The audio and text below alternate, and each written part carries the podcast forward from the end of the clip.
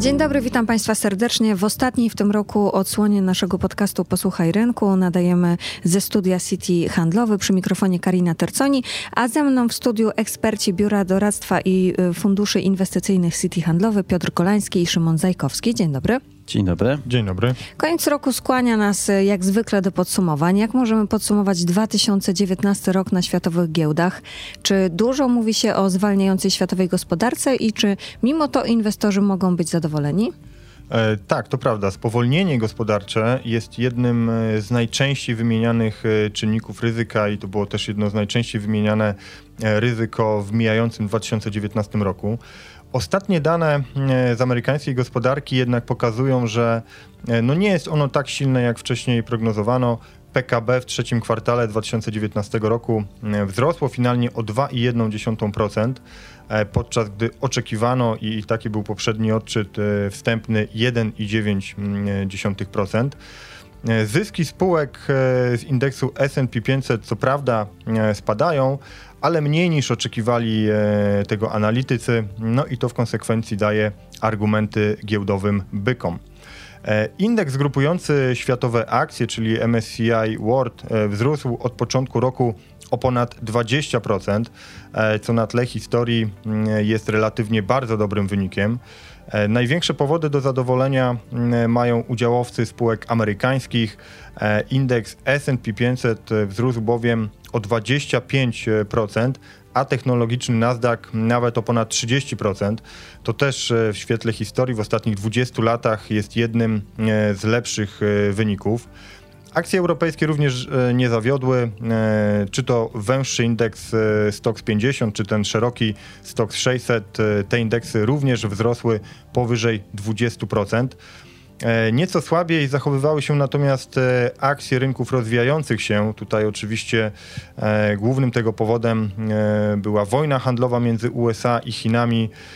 Indeks MSCI Emerging Markets, czyli ten indeks, który grupuje akcje z rynków wschodzących, wzrósł o około 10%. To jest oczywiście e, wciąż bardzo solidny wynik, jednak jak popatrzymy na wspomniane rynki rozwinięte, które rosły powyżej 20%, no to jest to ponad dwukrotnie e, słabszy wynik. Nie mówiąc już o głównym parkiecie e, w Chinach, o indeksie Hang Seng, który wzrósł o 4%, co w sytuacji przytoczonych wyników no, jest relatywnie słabym wynikiem. Przenieśmy się zatem e, do kraju. Czy powody do zadowolenia mają również e, nasi rodzimi inwestorzy? Niestety sytuacja na warszawskiej giełdzie jest zupełnie inna. E, Na koniec listopada jedynie indeks małych spółek był około 11% na plusie. E, WIG20 zniżkował o ponad 2%, e, a indeks średnich spółek MWIG40 o ponad e, 3%. E, Dane makro nie wyglądają optymistycznie. Polska gospodarka w ubiegłym kwartale wyhamowała i to bardziej niż oczekiwano. Spadek dynamiki PKB w ujęciu rocznym z 4,6% do 3,9% jest zauważalny. Odczyty produkcji przemysłowej i sprzedaży detalicznej również coraz częściej negatywnie zaskakują.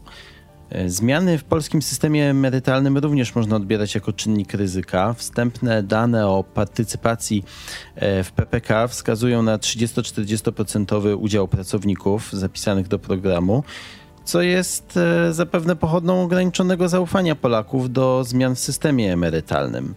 Ostateczna likwidacja OFE i rozksięgowanie opłaty przekształceniowej w wysokości 12,5 miliarda złotych w ciągu najbliższych dwóch lat może też skutkować wyższą podażą polskich akcji, a co za tym idzie kontynuacją ich relatywnie słabego zachowania na tle mm, zagranicy.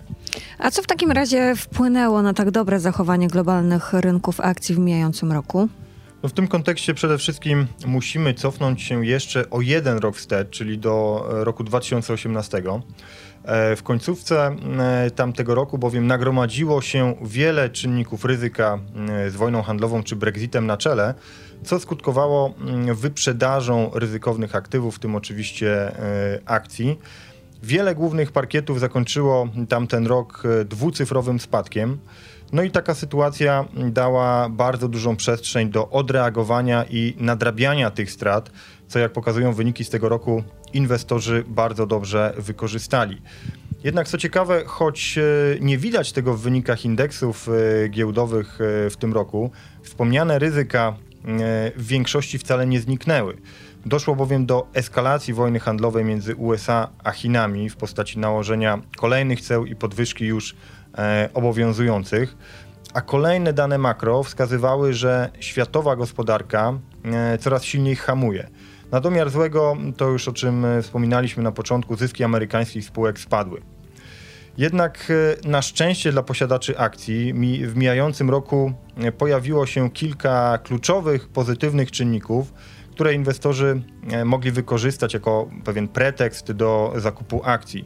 Tutaj po pierwsze i najważniejsze, e, główne e, władze monetarne dokonały dość niespodziewanego zwrotu w swojej polityce. Mam tutaj na myśli oczywiście amerykańską rezerwę federalną i Europejski Bank Centralny. Bowiem wchodziliśmy w ten rok 2019 z oczekiwaniami, że Fed podnosić będzie stopy procentowe i być może Europejski Bank Centralny również pójdzie w jego ślady. Natomiast stało się zupełnie odwrotnie i zarówno Fed, jak i mm, EBC obniżyły stopy procentowe, w tym Fed aż trzykrotnie i dodatkowo wznowiły e, program skupu obligacji. Takie informacje, mm, krótko mówiąc, dały paliwo do wzrostu na e, globalnych rynkach akcji.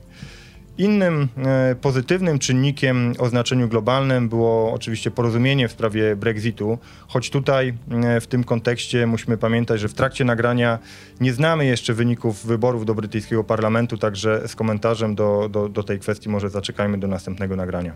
Wielu inwestorów w obawie przed wymienionymi ryzykami lokowało swoje środki w rozmaite fundusze obligacji. Czy one również przyniosły dodatnie stopy zwrotu? Jeśli chodzi o fundusze obligacji, to nie można ich klasyfikować tak samo. E, fundusze obligacji wysokodochodowych e, o ratingu spekulacyjnym mają stosunkowo wysoki profil ryzyka i są skorelowane z indeksami akcji. Z kolei fundusze obligacji skarbowych czy też obligacji korporacyjnych o ratingu inwestycyjnym powinny cechować się niższą zmiennością i pełnić rolę bezpiecznej przystani w przypadku wzrostu awersji do ryzyka. 2019 rok był wyjątkowo dobry dla instrumentów dłużnych. Najlepiej dały zarobić e, obligacje amerykańskich korporacji o ratingu inwestycyjnym, tzw. Tak investment grade bonds. E, ich indeks wzrósł o około 15% od początku roku. Prawie 8% wzrósł również indeks amerykańskich obligacji skarbowych. Sprzyjała temu łagodna polityka Fedu i obniżki stóp procentowych. Jeśli chodzi o polski rynek, mm, to nasze obligacje skarbowe wzrosły średnio o niecałe 5%. Takie wyniki będzie trudno powtórzyć, ale w dobie spowolnienia gospodarczego, łagodnej polityki monetarnej i wzrostu awersji do ryzyka, dług emitentów o dobrej kondycji finansowej może być w cenie również e, w przyszłym roku. Czy polskim obligacjom nie zaszkodzi inflacja? E, no, presja inflacyjna w naszej gospodarce w mijającym 2019 roku e, była na pewno wyraźna. E, wystarczy wspomnieć szczytowy odczyt z lipca tego roku, który wyniósł 2,9% rok do roku. W kolejnych miesiącach lekko to już zostało złagodzone. W listopadzie ostatecznie inflacja upasowała się na poziomie 2,6%.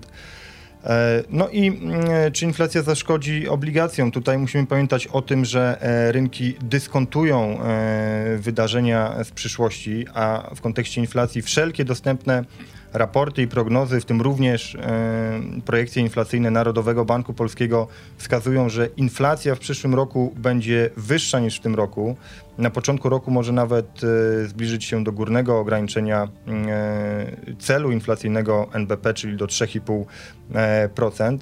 Jednak Rada Polityki Pieniężnej od wielu miesięcy sygnalizuje, że do końca jej kadencji nie należy oczekiwać zmian e, stóp procentowych, zmian w poziomie stóp procentowych. E, do końca kadencji, czyli do końca, e, czyli do 2022 roku. No i w tym kontekście, w kontekście inflacji, analizując to nieco pośrednio poprzez kanał stóp procentowych, ten wzrost inflacji powinien mieć raczej neutralny wpływ na notowania polskich obligacji. A w krótszej perspektywie, czyli w roku 2020, jakie tematy prawdopodobnie będą kluczowe dla notowań na rynkach finansowych? To, o czym się mówi najwięcej w kontekście przyszłego roku, to oczywiście wybory prezydenckie w USA. Historycznie w znacznej większości przypadków rok wyborczy był korzystny dla rynków akcyjnych. E, jednak to oczywiście nie oznacza, że i tak będzie w 2020 roku. Ponadto czekają nas e, kolejne doniesienia e, z frontu wojny handlowej Stany-Chiny oraz Brexitu, którego obecnie oficjalna data to 31 stycznia 2020 roku. Dodatkowo inwestorzy bacznie śledzić będą napływające dane makroekonomiczne, w których prawdopodobnie doszukiwać się będą oznak ożywienia światowej koniunktury, wraz z którą e, dodatnie stopy zwrotu powinny mm, przynosić ich e, inwestycje, czego również i Państwu życzymy. To już wszystko, co na dzisiaj przygotowaliśmy w tym ostatnim w tym roku podcaście Posłuchaj Rynku. Moimi gośćmi byli eksperci Biura Doradztwa i Funduszy Inwestycyjnych City Handlowy Piotr Golański i Szymon Zajkowski. Bardzo dziękuję. Dziękujemy. Dziękuję. No i myślę, że w tym momencie możemy życzyć naszym słuchaczom, żeby ich inwestycje w 2020 roku były jeszcze lepsze niż w 2019, prawda? Jak najbardziej. O to może być bardzo trudno, ale gdyby tak się stało, no to to byłby kolejny świetny rok dla inwestorów. No a w celu pozyskiwania bieżących informacji e, i być może informacji, które pomogą Państwu w podejmowaniu decyzji inwestycyjnych, polecamy nasz podcast w 2020 roku. Ja się nazywam Karina Terconi. Do usłyszenia w przyszłym roku.